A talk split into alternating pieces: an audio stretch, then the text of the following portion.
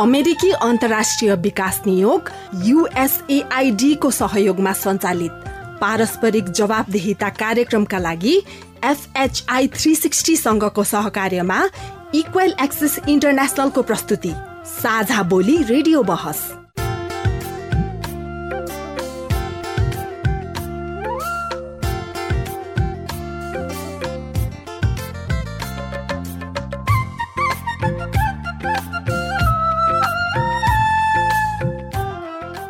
नमस्कार साझा बोली रेडियो बहसमा तपाईँलाई स्वागत छ।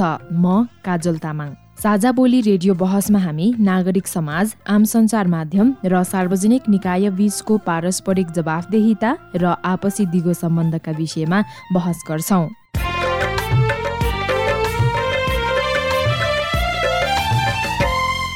पारस्परिक जवाफदेहिताका क्षेत्रीय सवाल र परिवेश समेटेर तयार पारिएको साझा बोली रेडियो बहसको यो स्थानीय संस्करण हो। आजको साझा बोली रेडियो बहस रेडियो नमोबुद्ध एफएम एक सय छ थोप्लो सात मेगा हर्जले उत्पादन गरेको हो।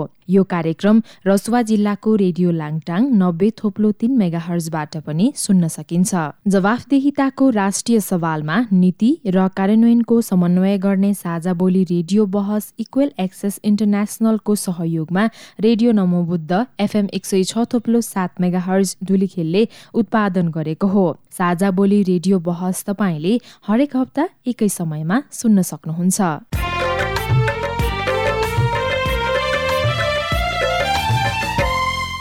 साझा बोली रेडियो बहसको यस सत्रको यो स्थानीय संस्करणको आज तीसौं भाग हो। झण्डै चार वर्ष अघिदेखि प्रसारण भइरहेको साझा बोली यस वर्षदेखि रेडियो बहसका रूपमा प्रसारण हुँदै आइरहेको छ। साझा बोली रेडियो बहसको आजको भागमा स्थानीय निर्वाचनको लागि सुरक्षा व्यवस्था कसरी मिलाइँदैछ?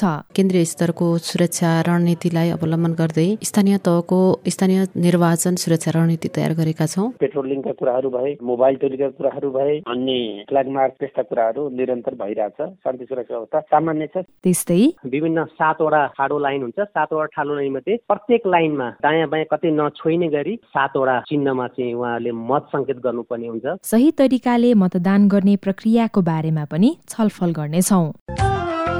साझा बोली रेडियो बहस अमेरिकी अन्तर्राष्ट्रिय विकास नियोग युएसएआइडी मार्फत अमेरिकी जनताहरूको सहयोगका कारण सम्भव भएको हो।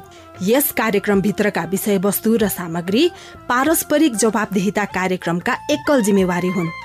र यहाँ प्रस्तुत भनाइले युएसएआइडी वा अमेरिकी सरकारको विचार प्रतिबिम्बित गर्छन् भन्ने जरुरी छैन। यही वैशाख तीस गते हुने स्थानीय तहको निर्वाचन नजिकिँदैछ। निर्वाचनलाई स्वतन्त्र विश्वसनीय निष्पक्ष र भयरहित वातावरणमा सम्पन्न गर्न सुरक्षा व्यवस्था कसरी मिलाइँदैछ? आजको साझा बोली रेडियो बहसमा यही विषयमा छलफल गर्दैछौ। निर्वाचनमा घटना नहोस् भन्नका लागि निर्वाचन सुरक्षा योजना बनाएर कार्यान्वयन गरिन्छ।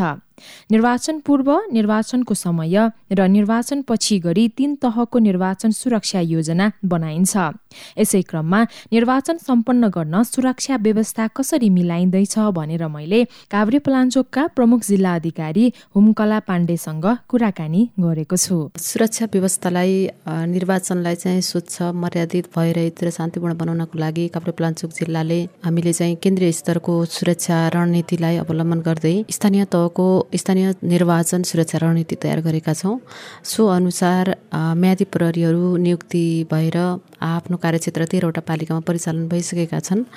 नेपाल परि प्रहरीहरू पनि डिप्लोय गर्नको लागि हामी अन्तिम चरणमा पुगेका छौँ। सशस्त्र प्रहरी डिप्लोय भएर आफ्नो फिल्डमा गइसकेका छन् नेपाली सेना पनि डिप्लोय भएर आफ्नो क्षेत्रमा पुगिसकेका छन् तेह्रवटै पालिकामा। र यो सुरक्षाकर्मी परिचालन सम्बन्धी हाम्रो रणनीति छ। रणनीति अनुसार पहिलो घेरामा नेपाल प्रहरी त्यस दोस्रो घेरामा घेरामा सशस्त्र प्रहरी तेस्रो तेस्रो घेरामा नेपाली सेना रहने गरी प्रत्येक पालिकामा मोबाइल टिमहरू त्यसै गरी स्ट्राइकिङ टिमहरूको परिचालन गर्ने गरी तयारी गरिएको छ र अहिले विभिन्न ठाउँहरूमा त्यस्ता संवेदनशील एरियाहरूमा टोलीहरू परिचालित भइसके भइसकेको अवस्था पनि छ। काभ्रेको चाहिँ कुन कुन ठाउँमा यो वर्गीकरण गर्दाखेरि संवेदनशील अति संवेदनशील गरेर चाहिँ छुट्याउनु भएको छ विशेष गरी? हामीले काभ्रेपलाञ्चोक जिल्लामा विगतका अभ्यासहरू र अहिले राजनीतिक परिस्थिति भौगोलिक अवस्था समेत विश्लेषण गरेर संवेदनशील अति संवेदनशील र सामान्य अवस्था गरी विभिन्न ठाउँहरूलाई वर्गीकरण गरेका छौँ।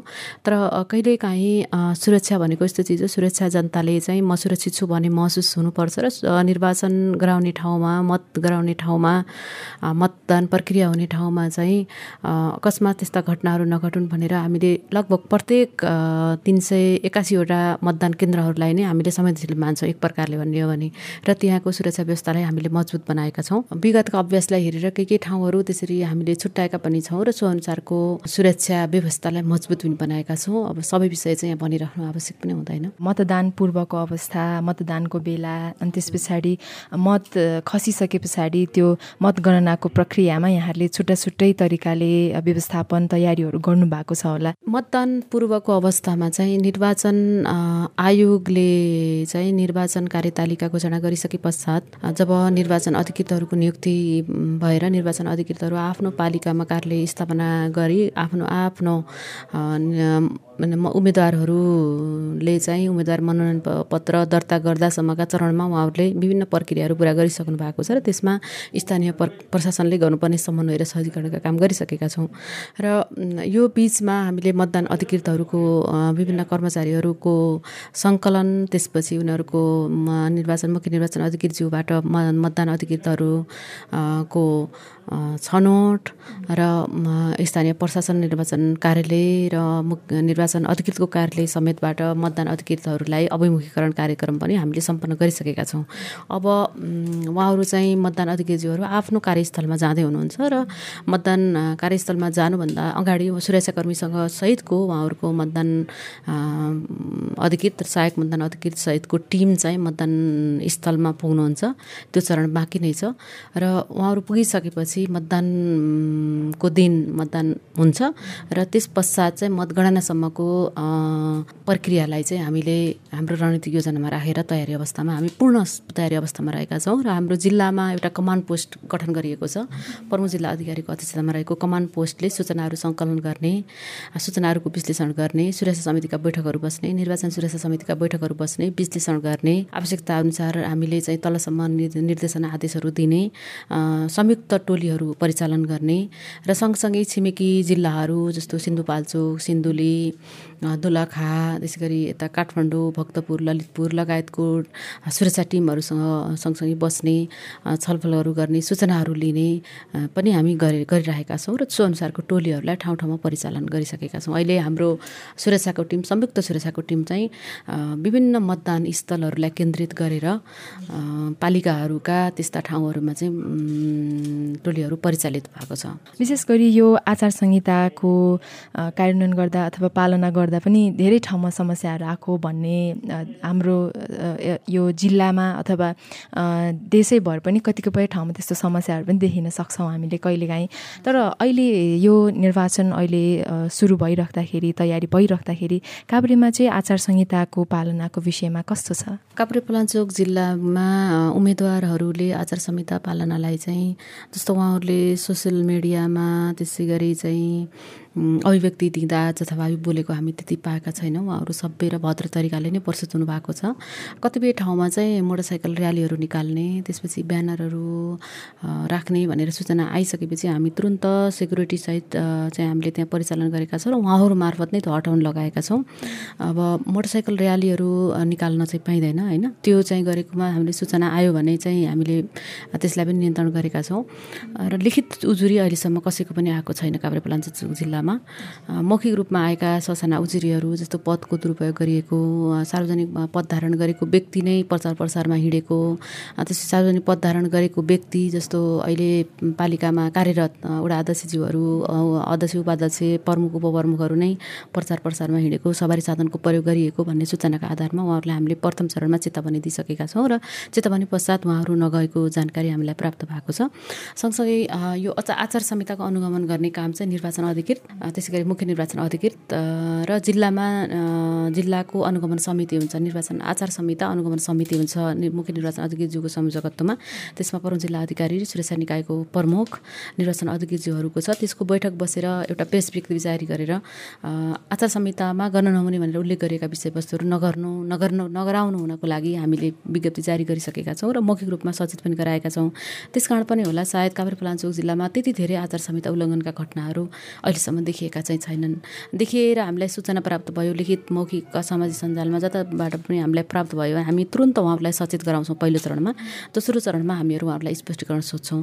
स्पष्टीकरण सोधिसक्ने बेला चाहिँ अझै आइसकेको छैन। सुरक्षित र मर्यादित वातावरणमा भोट राख्न पाउने वातावरण सिर्जना गर्नको लागि नेपाल प्रहरी पहिलो साथमा हुन्छ। त्यसपछि म्यादी प्रहरीहरू हुनुहुन्छ। सँगसँगै अब यसमा चाहिँ संयुक्त टोली नै परिचालन हुने। जस्तो अहिले त राष्ट्रको सबै सुरक्षा निकायहरू संयुक्त रूपमा एकैसाथ एउटा केन्द्रको कमान्ड पोस्टको निर्देशनमा परिचालन हुने हुनाले जनताले उहाँहरूले चाहिँ ढुक्कसँग मर्यादित वातावरणमा सुरक्षित तरिकाले चाहिँ उहाँहरूले भोट खसाल्न पाउनुहुन्छ। यदि त्यस्तो अप्ठ्यारो स्थिति परिस्थिति सिर्जना भयो भने हुने जस्तो वातावरण छ भने उहाँहरूलाई चाहिँ हामी सूचित गर्न पनि अनुरोध गर्छौँ। अबको निर्वाचनमा त्यस्ता खालका घटना नहोस् भन्नको लागि कस्तो खालको तयारी कसले गरिदियो भने अथवा एउटा नागरिकले पनि कस्तो खालको भूमिका चाहिँ निर्वाह गरिदियो भने त्यस्तो घटना नहोला? हामी एक त मतदान प्रक्रिया सम्पन्न भइसकेपछि मतपेटिकालाई सुरक्षित सुरक्षित तरिकाले प्रत्येक पालिकाको मतगणना स्थलसम्म ल्याउनको लागि पूर्ण तयारी भइसकेको छ र सुरक्षाकर्मीले नै मतदान अधिकृत सहित मतपेटिकालाई सुरक्षित तवरले पालिकाको मतगणना स्थलसम्म ल्याउनुहुन्छ त्यसपछि हामीले त्यहाँ मतगणना स्थलमा मतगणना स्थलको सम्पूर्ण तेह्रवटा पालिकाकै मतगणना स्थलको पूर्व निरीक्षण भइसकेको छ। हामीले निर्देशन पनि दिइराखेको दिइसकेका छौँ। निर्वाचन आयोगले सिसिटिभी राख्ने भनेर निर्देशन दिइसकेको छ। र मतगणना स्थलमा चाहिँ मतगणना ठाउँलाई सुरक्षित राख्नको लागि तार जाली सहितको व्यवस्था पनि गरिसकिएको छ। र त्यो पूर्वाधारको सम्पूर्ण तयारी भइसकेको सिसिटिभीबाट पूर्ण निगरानी हुने र मतगणना स्थलमा जाने जनप्रतिनिधिहरू पनि राजनीतिक दलका पार्टीहरूले चाहिँ उहाँहरूले चाहिँ राम्रा व्यक्तिहरू छनौट गरेर पठाउनुहुन्छ भन्ने हामी पूर्ण अपेक्षा गरेका छौँ र सुरक्षाकर्मी पनि हामी मजबुत तरिकाले बनाएर राख्छौँ।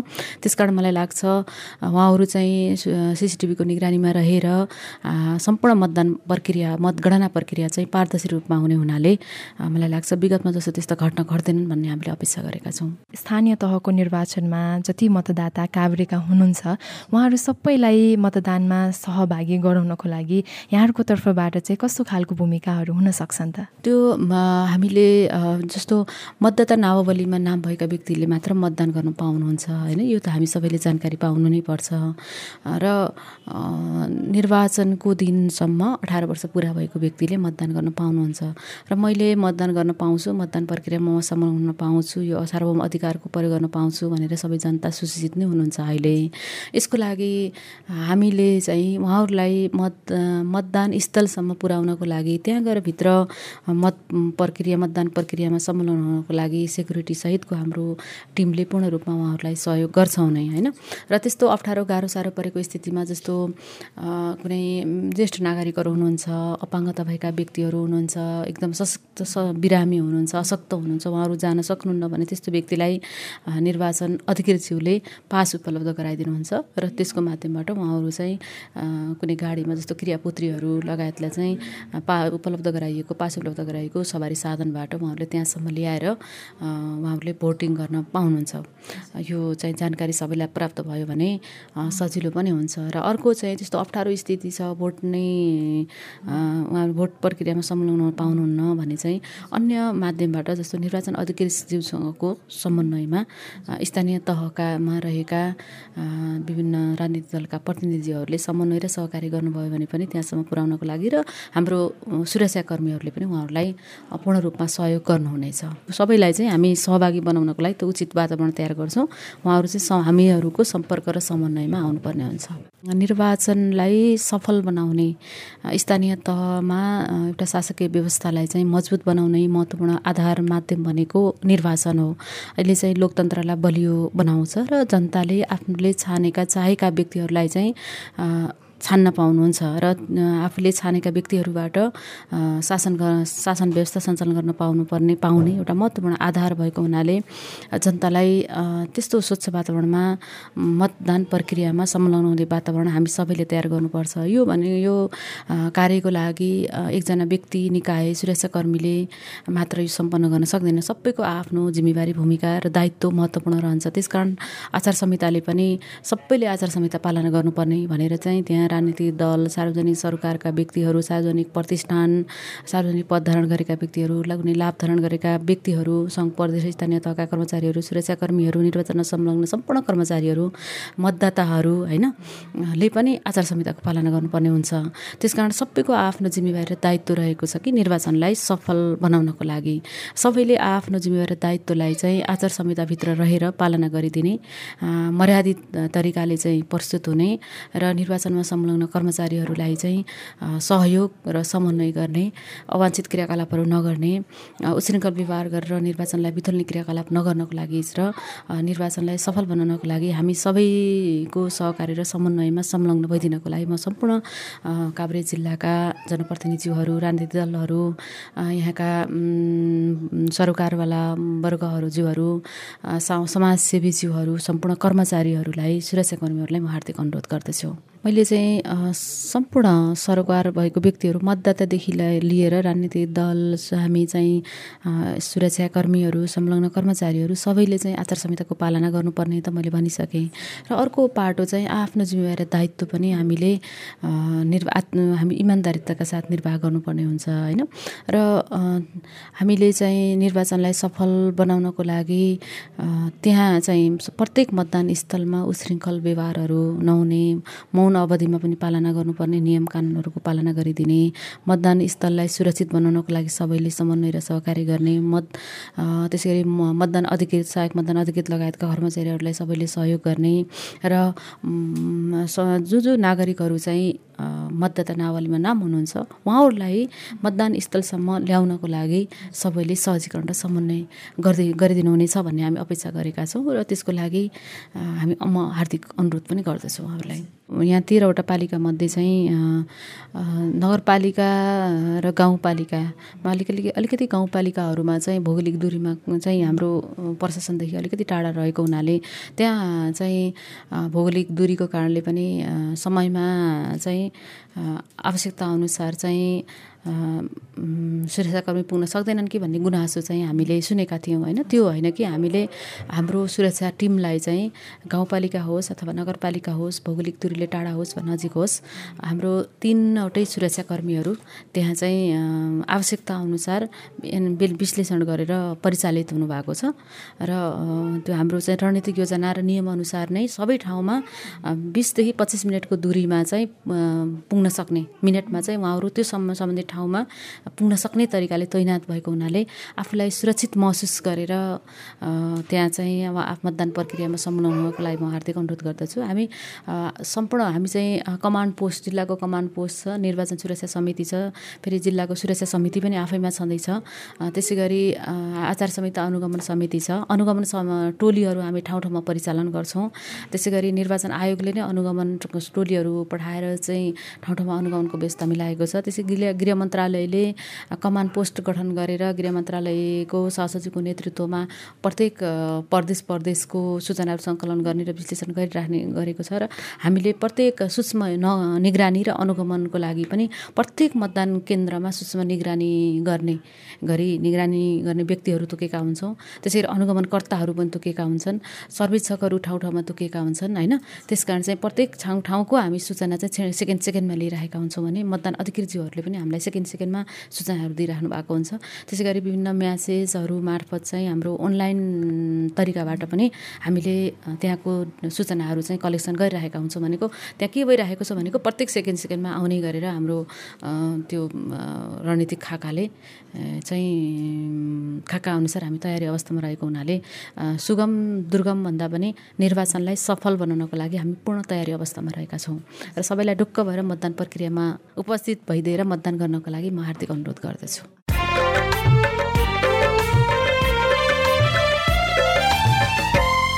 तपाईँ अहिले पारस्परिक जवाफदेहिता प्रवर्धनका लागि साझा बोली रेडियो बहस सुन्दै हुनुहुन्छ। स्थानीय तहको निर्वाचनका लागि काभ्रेमा भइरहेको सुरक्षा व्यवस्थाको बारेमा भर्खरै कुरा गर्दै हुनुहुन्थ्यो काभ्रेका प्रमुख जिल्ला अधिकारी होमकला पाण्डे। यही विषयमा रसुवामा सुरक्षा व्यवस्थाको लागि भइरहेको तयारी यसरी सुनाउनुहुन्छ रसुवाका प्रमुख जिल्ला अधिकारी नवराज जैसी। अब हजुर हामीलाई थाहै छ रसुवा जिल्ला अब भूगोलको हिसाबले हिमाली जिल्ला हो। यहाँ जनसङ्ख्याको दृष्टिकोणले भन्दा धेरै ठुलो जनसङ्ख्या छैन। पैँचालिस हजार समथिङ जनसङ्ख्या छ र मतदाता अडतिस हजार पाँच सय चौन्न अडतिस हजार पाँच सय चौन्न पछिल्लो यो अहिले उसले निर्वाचनको सवाल भने मतदाता हो। र यहाँको अब शान्ति सुरक्षा दृष्टिकोणले सबै तरिकाले ठिकै छ।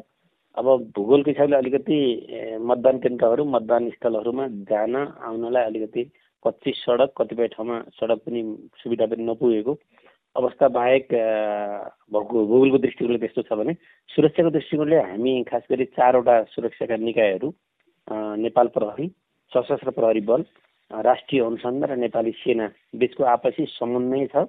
र ती निर्वाचनको सवालमा मतदान स्थलहरूको वर्गीकरण जस्तो राज्यले नै तिन तहमा वर्गीकरण गर्दै गरेको छ र त्यही अनुसार हाम्रो जिल्ला पनि वर्गीकरण गरिएको छ। अति संवेदनशील मतदान स्थल संवेदनशील मतदान स्थल र साधारण मतदान स्थल गरी हाम्रोमा दुईवटा अति संवेदनशील पच्चिसवटा संवेदनशील र सातवटा सामान्य खालका मतदान स्थल छन्।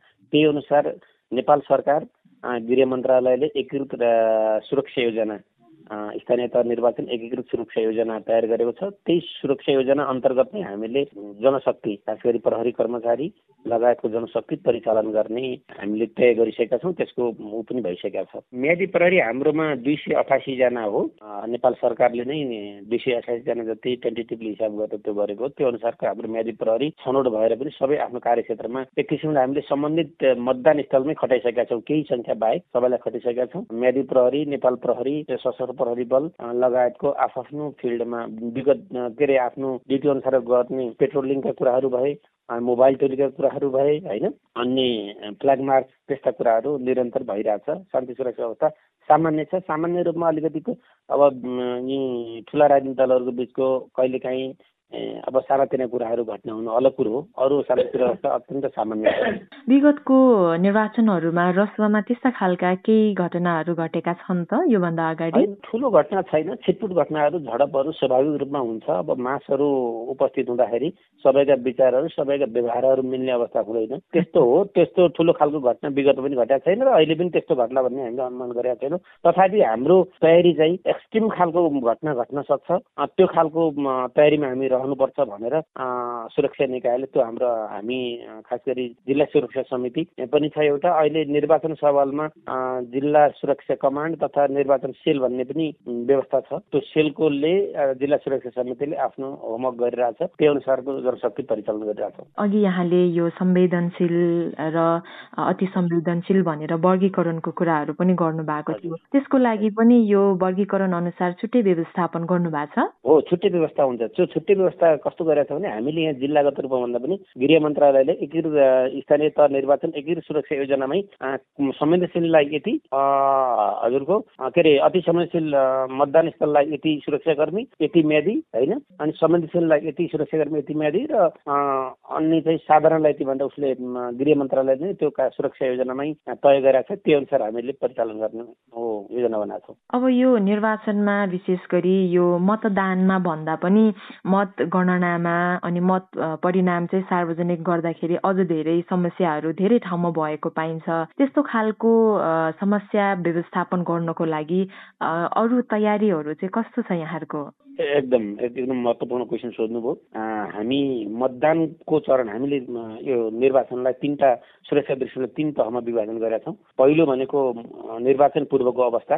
निर्वाचन पूर्वको अवस्थामा खास गरी पर्चा पर्साका सवालमाहरू राजनीतिक दलहरू राजनीतिक कर्मीहरू उम्मेद्वारहरू र अन्य बिच जुन खालको एउटा सौहार्दपूर्ण वातावरण र त्यसमा कुनै खालको सार्वजनिक शान्ति र सुरक्षामा चाहिँ असर नपर्ने खालको गतिविधि हुन् भनेर सुरक्षा हामी सुरक्षा निकाले त्यो एउटा चाहिँ सतर्कता अनुसार त्यो अर्को ऊ अनुसार हामीले परिचालन गर्ने व्यवस्था छ एउटा मतदानको समय भनेको निर्वाचनको समय मतदानको समय भनौँ। मतदानको समयमा धेरै घटनाहरू हुने विगतको देशभरिको एउटा अनुभव छ। त्यसलाई दृष्टिगत गरी मतदान स्थलहरूमा म्यादी प्रहरी र नेपाल प्रहरीको व्यवस्था गरेका छ भने मतदानको नजिकै आसपास एकदमै नजिक मतदान स्थलहरूको नजिक हुने गरी सशस्त्र प्रहरी बल परिचालन गर्ने व्यवस्था गरेका छौँ। त्यो ताकि पाँचदेखि दस मिनट अथवा दसदेखि पन्ध्र मिनटभित्र सशस्त्र प्रहरीले केही अलिकति ठुलो खालको परिस्थिति आयो विषम परिस्थिति आयो भने पुग्ने गरी गरेका छौँ। र त्यसको नजिक नजिक आउँदा सशस्त्र प्रहरीको नजिक हुने गरी नेपाली सेना नजिकै राखेका छौँ। त्यस्ता खालका घटनाहरू नघटन् भनेर एउटा अवस्था छ र दोस्रो मतगणनाको अवस्था छ। निर्वाचन पछाडिको पश्चातको मतगणना परिणाम घोषणा विजय जुलुसहरूको व्यवस्थापन लगायतका विषयहरू छन्। त्यसको लागि हामीले खास गरी मतगणनालाई अत्यन्त चाहिँ महत्त्वका साथ लिएका छौँ। मतदान गर्यो तर मतगणना हुनुभन्दा अगावि केही घटना घट्यो भने त मतदानको अर्थ भएन। त्यो हुनाले वरिपरि मतगणना स्थलमा पर्याप्त सुरक्षाकर्मीहरूको व्यवस्था एक नम्बरमा दोस्रो चाहिँ मतगणना स्थलमा हामीले घेरबार र तारबारको व्यवस्था पर्याप्त रूपमा गरेका छौँ यहाँ पाँचवटा गाउँपालिका छ पाँचवटा गाउँपालिकाको मतगणना स्थलमा आफै स्वयं उपस्थित भएर सुरक्षा निकायको प्रमुखहरू उपस्थित भएर त्यहाँ चाहिँ बिचमा चाहिँ हल जुन हल मतगणना हल हुन्छ बिच हलमा बिचमा त्यो ग्याबिन टारको चाहिँ ऊ सहित के अरे एङ्गल फलामको एङ्गल सहित हालेर त्यस्तो बारन लगाएर भित्रपट्टि ऊ मतगणकहरूले मतगण गणना गर्ने र बाहिरपट्टि त्यो तारभन्दा तार तारबारभन्दा बाहिरपट्टि के अरे राजनीतिक दलका प्रतिनिधिहरूले लाइभ हेर्ने होइन? त्यो पालहरू हुन्छ मजाले हेर्न पाउने तर भित्र जान नपाउने। त्यस्तो खालको एकदम उच्च खालको सुरक्षाको व्यवस्था गरेका छौँ। पर्याप्त सुरक्षाको व्यवस्था छ राजनीतिक समन्वयको व्यवस्था गरिएको छ। त्यो भइरहले अब रसुवा जिल्लामा मतगणना मतदान मतदान पूर्वको अवस्थामा त्यस्तो खालको जटिलो समस्या आउला जस्तो लाग्दैन। खास गरी multi party system multi party democracy भएको मुलुकमा अब यो प्रजातान्त्रिक प्रणालीलाई फलाउने फुलाउने भनौँ यसको सुदृढीकरण गर्ने यसको रक्षा गर्ने जिम्मा भनेको राजनीतिक दलहरू नै उहाँहरू मेजर हुनुहुन्छ होइन? प्रशासनिक क्षेत्रबाट गर्ने सहयोग अथवा गर्ने चाहिँ साधनको रूपमा मात्रै प्रशासनिक हुन्छ भने साध्य र मुख्य रूपमा उहाँहरू नै हो। त्यो मानेमा हामीले त्यस अर्थमा बुझेको कारणले गर्दा हामीले निर्वाचन घोषणा भइसके पश्चात अहिलेसम्म चारवटा सर्वदलीय बैठक सर्वपक्षीय बैठक राजनीतिक दलका प्रमुखहरू नागरिक समाज अनि त्यसरी उद्योग वाणिज्य सङ्घ चेम्बर अफ कमर्स लगायतका अनि पत्रकारहरू त्यस पछाडि अन्य यातायात व्यवसायीहरूलाई डाकेर हामीले चारवटा बैठक गरिसकेका छौँ। हिजो अस्ति मात्रै यहाँको जिल्लाको ट्रेड युनियनको प्रमुखहरूलाई बोलाएर आज मिटिङको व्यवस्था गरेका छु। आजै फेरि पुनः नागरिक समाज चेम्बर अफ कमर्स अनि त्यस पछाडि उद्योग वाणिज्य सङ्घ लगायतको यातायात व्यवसायीहरूको लागि डाकेर खास गरी निर्वाचनको समयमा यातायातका कुराहरू सहरी साधनको व्यवस्थापनका कुराहरू अब अत्यावश्यक वस्तुहरूको आपूर्तिका व्यवस्थाहरू सवालमा त्यो मिटिङ पनि डाकेका छौँ। एउटा पाटो यो समन्वयको पाटो भयो निरन्तर सम्पर्कको पाटो भयो अन्य राजनीतिक दलहरूसँग हामीले प्रशासन र राजनीतिक दलहरू बिचको आपसी सद्भाव राजनीतिक सद्भाव बिना कुनै पनि काम हुन सक्दैन। प्रशासनले मात्रै चाहेर जिल्लामा शान्ति सुरक्षाको पुनः हजुरको के अरे आश्वस्त पार्ने अवस्था हुँदैन। जब राजनीतिक दलमा संयमता भएन राजनीतिक दलमा एक किसिमको अब समन्वय भएन भने त्यो हुनाले राजनीतिक दलहरूलाई हामीले अनुरोध गरेका छौँ। निर्वाचन भनेको राजनीतिक दलहरूको लागि हो। जनप्रतिनिधि तपाईँहरूकै निर्वाचित हुने हो। र जनप्रतिनिधि निर्वाचित भएपछि एउटा लोकतन्त्रले संस्थागत हुने अवस्था प्रणालीले संस्थागत हुने अवस्था विगत हामीले तितो अनुभव भोगेका छौँ। उन्साठी सालमा निर्वाचन पश्चात समय निर्वाचन नहुँदाखेरि राज्यले ठुलो क्षति बेहोरो लोकतन्त्रले ठुलो क्षति बेहोरो त्यो अवस्था नआओस्। अहिले सरकारले निर्वाचनलाई स्वच्छ निष्पक्ष धानले सम्पन्न गर्नको लागि राजनीतिक दललाई समन्वय प्रशासनसँग समन्वय गर्ने विषयलाई एकदम महत्त्वपूर्ण रूपमा लिएको छ। त्यही अनुसार हजुरहरूले सहयोग गरिदिनुहोस् भनेर हामीले पटक पटक बैठक पनि गरेका छौँ। आचार संहिता पालनाका सवालहरूमा उहाँहरूले आचार संहितामा भएका कुराहरू पालना गरिदिनुहोस् भनेर भनेका छौँ। अनि मतदान अधिकृतहरू सहायक मतदान अधिकृतहरू र त्यस पछाडि सुरक्षा निकायका इन्चार्जहरूलाई पनि हामीले तालिम दिने पर्सि मतदान अधिकृत र सहायक मतदान अधिकृत तालिम व्यवस्था गरेका छौँ भने सुरक्षा निकायका इन्चार्जहरूलाई जुन फिल्डमा खटिनुहुन्छ उहाँहरूलाई यहाँभन्दा पहिले नै सुरक्षा निकायहरूले तालिम दिइसक्नु भएको छ। मतदानको स्थलको मतदानको समयमा मतदान पश्चातको समय पश्चातको समयमा राजनीतिक दलहरूसँग कस्तो व्यवहार गर्ने जनप्रतिनिधि त्यहाँको दलहरूका प्रतिनिधिहरू हुनुहुन्छ उहाँहरूसँग कस्तो खालको व्यवहार गर्ने केही घटनाहरू घट्ने अवस्था आयो भने कसरी चाहिँ घटनालाई सामान्यकरण गर्ने अथवा चाहिँ त्यहाँ कस्तो खालको भूमिका रहने प्रहरीहरूको म्यादी प्रहरीहरूको सशस्त्र प्रहरी बलको नेपाली सेनाको भनेर त्यस्तो खालको हामीले पूर्ण रूपमा एक किसिमको नेपाल सरकारले तय गरेकाहरूको सबै प्रक्रियाहरू पुरा गरेर हामीले यहाँ तयारीमा बसेका छौँ। अघि नै भने मैले मल्टी पार्टी सिस्टममा अथवा लोकतान्त्रिक प्रणालीमा दलहरू नै मुख्य हो। र दलहरूले यो कस्तो भने निर्वाचन भनेको कुनै एउटा दल विशेषको एउटा कुनै निकाय विशेषको अथवा एउटा सरकारकै मात्रै जिम्मेवारीको विषय हो यहाँ आम नागरिकको महत्त्वपूर्ण भूमिका जरुरी छ महत्त्वपूर्ण चाहिँ समन्वय जरुरी छ महत्त्वपूर्ण सक्रियता जरुरी छ। भएको हुनाले म अनुरोध गर्दछु हजुरको यो सञ्चार माध्यम मार्फत के अनुरोध गर्न चाहन्छु भने यस जिल्लामा रहनुभएका सम्पूर्ण राजनीतिक दलहरू राजनीतिक कर्मीहरू उम्मेद्वारहरू नागरिक समाज उद्योग वाणिज्य सङ्घ चेम्बर अफ कमर्स यातायात व्यवसायीहरू र अन्य आम नागरिकहरूलाई यो एउटा पर्व हो एउटा अवसर हो लोकतन्त्र संस्थागत गर्ने आफ्नो अभिमत अभिव्यक्त गर्ने र असल के अरे जनप्रतिनिधि छनौट गर्ने। यो अवसरलाई हामीले धमिलाउन दिनु हुँदैन यो अवसरलाई गुमाउनु हुँदैन यो अवसरलाई कस कसरी सकिन्छ आम नागरिकलाई सहज र सरल हुने गरी हाम्रो सहभागिता हाम्रो सक्रियता रह्यो भने लोकतन्त्र एकातिर संस्थागत र एउटा प्रणाली संस्थागत हुन्छ भने अर्को तन्त्र अर्कोतर्फ निर्वाचन सहज सरल भयमुक्त र शान्तिपूर्ण तरिकाले हुन्छ। त्यो त्यही तरिकाले यहाँहरूले सबैले आफ्नो भूमिका भूमिका निर्वाह गरिदिनुहुन्छ निर्वाह गर्नुहुन्छ भन्ने आशा र अपेक्षा र अनुरोध गर्दछु। ए यता सुन्नुहोस् यता। कता? सुनिरहेको छु त। कान थापेरै सुन्नुहोस् है। यसपालिको स्थानीय तह चुनावमा सात पदका लागि एउटै मतपत्र हुन्छ। मतपत्रमा हरेक पदका लागि ठाडो लहरमा चिन्हहरू हुन्छन्। र सातवटा ठाडो लहर मध्ये हरेक ठाडो लहरको एउटा एउटा चिन्हमा छाप लगाउनुपर्छ। मतलब सात ठाउँमा? हो त नि। एकजना पालिका प्रमुख अर्को उपप्रमुख अनि एकजना वडा अध्यक्ष र चारजना वडा सदस्य सात पदका लागि सात भोट दिनुपर्छ। बिग्रेला भन्ने पो डर।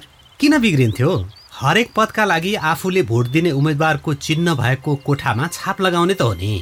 बरु विचार गर्नुपर्ने कुरा चुनाव चिन्ह भएको कोठामा एकपटक मात्रै छाप लगाउने। भनेको सात पदका लागि एउटै मतपत्रमा प्रत्येक पदका लागि हरेक ठाडो लहरको चुनाव चिन्ह मध्ये एउटा एउटामा मात्रै छाप लाउने है। हो सात पदका लागि सात छाप छुट्टा छुट्टै ठाडो लहरका चिन्ह मध्ये एउटामा। र अर्को कुरा चुनाव चिन्ह भएकोदेखि बाहेक अर्को कोठामा छाप वा मसी लाग्नुहुन्न है। ल यति कुरा त बुझियो। अनि मतपत्र पट्याएर तोकिएको बाकसमा खसाउँदा पनि विचार गर्नुपर्छ। मसी नलतपत्तियोस् र पछि मतगणना गर्न गाह्रो नहोस्। पारस्परिक जवाबदेहिताका लागि स्वतन्त्र र निष्पक्ष स्थानीय चुनाव। तपाईँ अहिले पारस्परिक जवाफदेहिता प्रवर्धनका लागि साझा बोली रेडियो बहस सुन्दै हुनुहुन्छ। स्थानीय तहको निर्वाचनका लागि काभ्रे र रसुवामा भइरहेको सुरक्षा व्यवस्थाको बारेमा भर्खरै दुईवटै जिल्लाका प्रमुख जिल्ला अधिकारीसँगको कुरा कार्यक्रममा राख्यौं। साझा बोली रेडियो बहसमा अब एकैछिन केही नागरिकका आवाज सुनौ। मत खसाल्ने तयारीमा रहेका केही नागरिकलाई मतदान गर्ने तरिकाबारे कतिको जानकारी छ भनेर सोधिएको छ। नमस्कार मेरो नाम पूजा तामाङ। म चाहिँ यसपालिको निर्वाचनमा चाहिँ पहिलोचोटि भोट हाल्नको लागि जाँदैछु। अहिले मैले निर्वाचनको लागि चाहिने शिक्षा चाहिँ कहीँबाट नि प्राप्त गरेको छैन। त्यस भएर चाहिँ अब भोट हाल्दाखेरि अब छाप लगाउँदा अथवा मतपत्र पठाउँदा चाहिँ केही बदर हुन्छ कि भन्ने चाहिँ लागिरहेको छ। मेरो नाम कुमार भक्त श्रेष्ठ।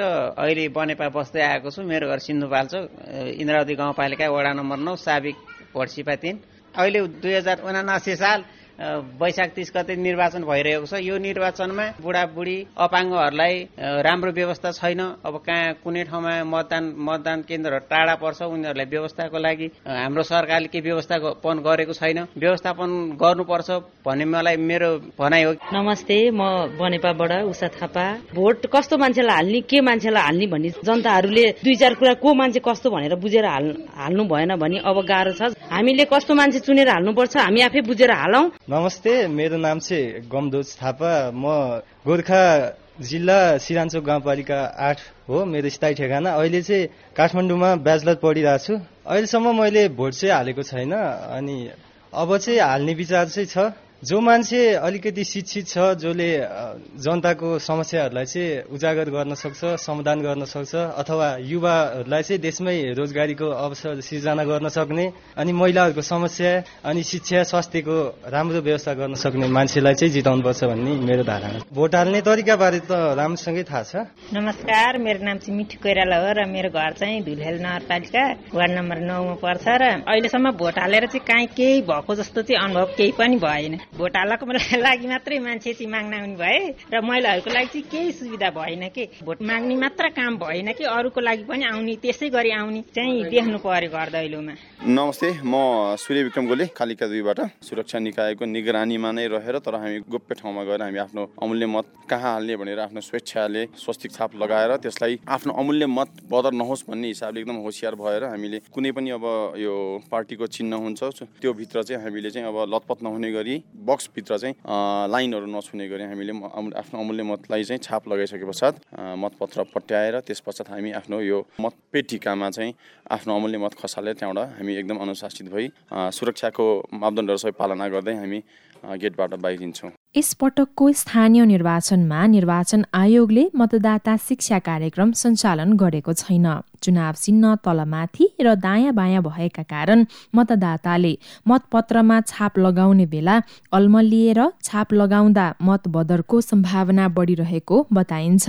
मतदाताले मतपत्र पाएदेखि मतपेटिकामा आफ्नो मत नखसालुन्जेलसम्मको प्रक्रियाबारे बताउनुहुँदै रसुवाका निर्वाचन अधिकारी श्रीराम थापा। यो मतदाता शिक्षाको सन्दर्भमा यहाँले भनिसक्नु पहिला जस्तो त्यति धेरै कार्यक्रम गर्न नसकिए तापनि हामीले विभिन्न आम सञ्चारका माध्यमहरू जस्तो रेडियो टिभी पत्रिका मार्फत विभिन्न सन्देशमूलकहरू जानकारीहरू हामीले प्रदान गरिरहेका छौँ। र अब मतदान प्रक्रियाको सम्बन्धमा कुरा गर्दाखेरि जस्तो अब सबै मतदाताहरूले आफ्नो मतदाता परिचय पत्र लिएर मतदान स्थलमा जानुपर्ने हुन्छ। जब यसको लागि हाम्रो दिन तय भइसकेको छ दुई हजार उनासी साल वैशाख तिस गते बिहान सात बजेदेखि बेलुका पाँच बजीसम्म उहाँहरूले मतदानमा सरिक हुन पाउने हुनेछ।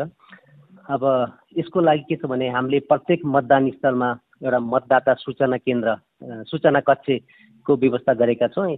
र यस सम्बन्धमा मतदाताहरूलाई लागेको कुनै पनि जिज्ञासाहरू त्यहाँबाट पाउनुहुनेछ। र मतदान गर्ने क्रममा अनि यसको प्रक्रियाको सम्बन्ध पनि उहाँहरूले सहयोग गर्नु नै हुनेछ। र अब जब मतदान केन्द्रमा गइसकेपछि मतदान सूचना केन्द्रबाट उहाँले विभिन्न जानकारी लिइसकेपछि उहाँहरू एउटा निर्धारित लाइनमा बस्नुहुन्छ। लाइनमा चाहिँ पुरुष र महिलाको लागि छुट्टा छुट्टै व्यवस्था गरिएको हुन्छ। र त्यसमा पनि जस्तो गर्भवती अशक्त वृद्ध बिरामी क्रियापुत्री सुत्केरीहरूको लागि चाहिँ हामीले एउटा प्राथमिकता दिएको हुन्छ।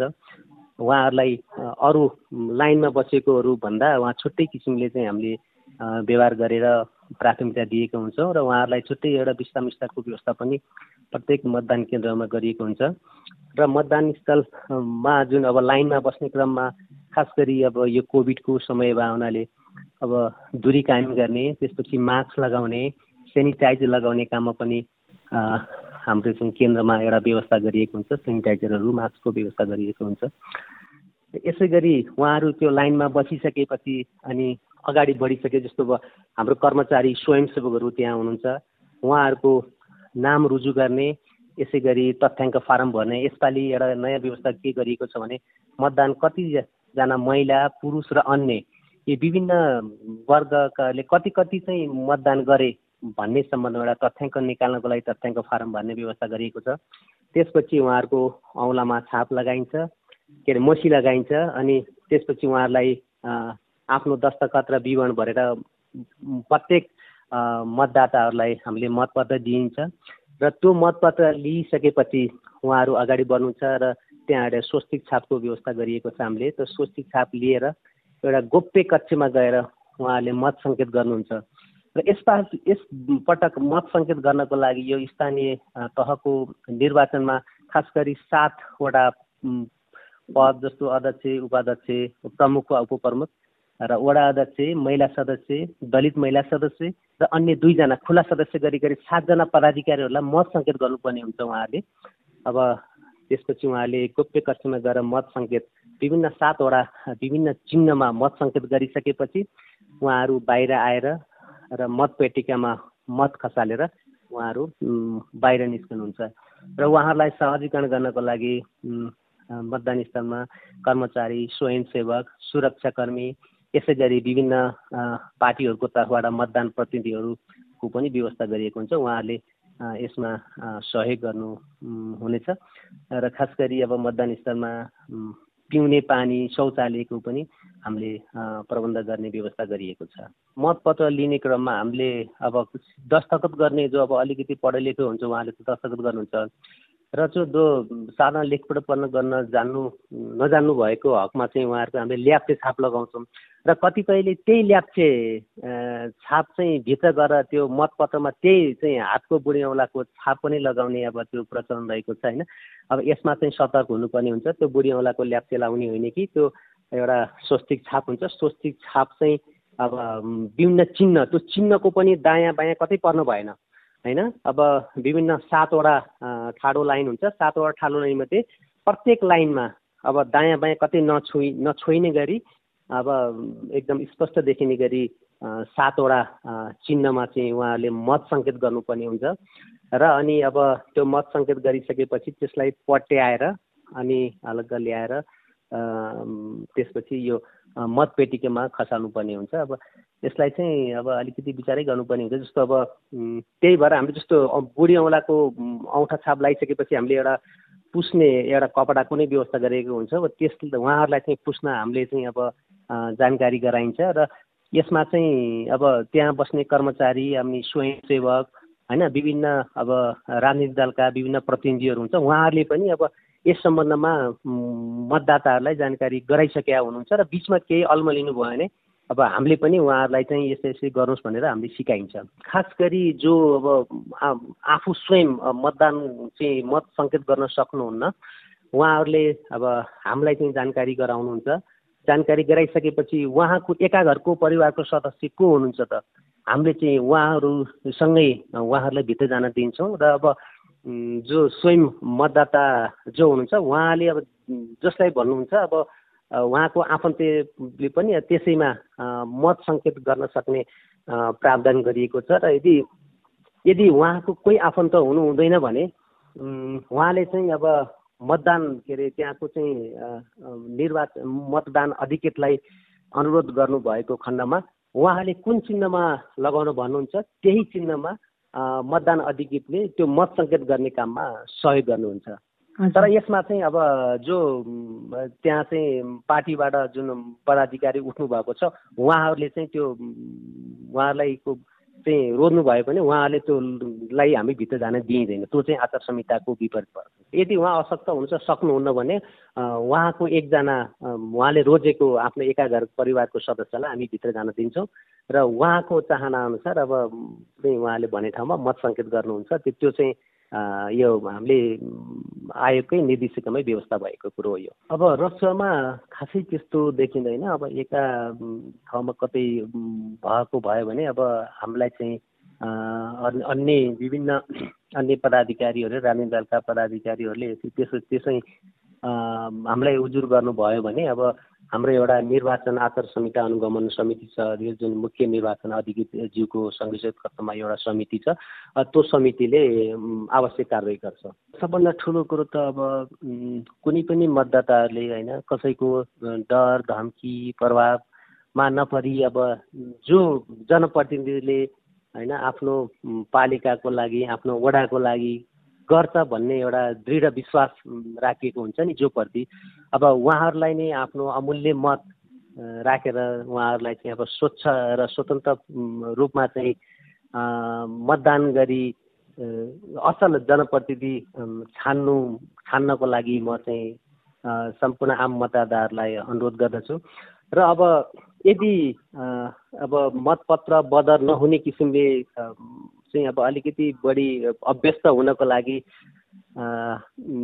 जस्तो अब उहाँले गाउँघरमै पनि अब विभिन्न चाहिँ आफ्ना आफन्तहरूसँग अब सोध्न सक्नुहुनेछ होइन? यदि उहाँहरूलाई कन्फ्युजन भयो भने जस्तो अब मतदान सुरु हुनुभन्दा एक दुई दिन अगाडि हाम्रा मतदान मा खटिएका कर्मचारी उहाँ गइसकेका हुनुहुन्छ। उहाँसँग सोधेर कसरी गर्दा म चाहिँ बदर हुँदैन भन्ने सम्बन्धमा उहाँहरूलाई त्यहाँबाट पनि स्पष्ट हुन्छ। खास गरी अब यो उहाँ चाहिँ अलिकति इन्ट्रेस्टेड हुनुभयो भने यसमा चाहिँ त्यति धेरै समस्या आउँदैन। निर्वाचन आयोगले जुन आचार संहिताको जुन व्यवस्था गरेको छ यो आचार संहिताको पूर्ण रूपमा पालना गरी आफ्ना गतिविधिहरू शान्तिपूर्व तरिकाले सञ्चालन गर्न तथा आफ्नो तर्फबाट अब आम यो चाहिँ आम निर्वाचनप्रति सकारात्मक भूमिका निभाउन विभिन्न राजनीतिक दल नागरिक समाज लगायत निर्वाचनसँग सम्बन्धित सबै सरकारवालाहरूलाई म निर्वाचन आयोगको तर्फबाट विनम्र अनुरोध गर्दछु।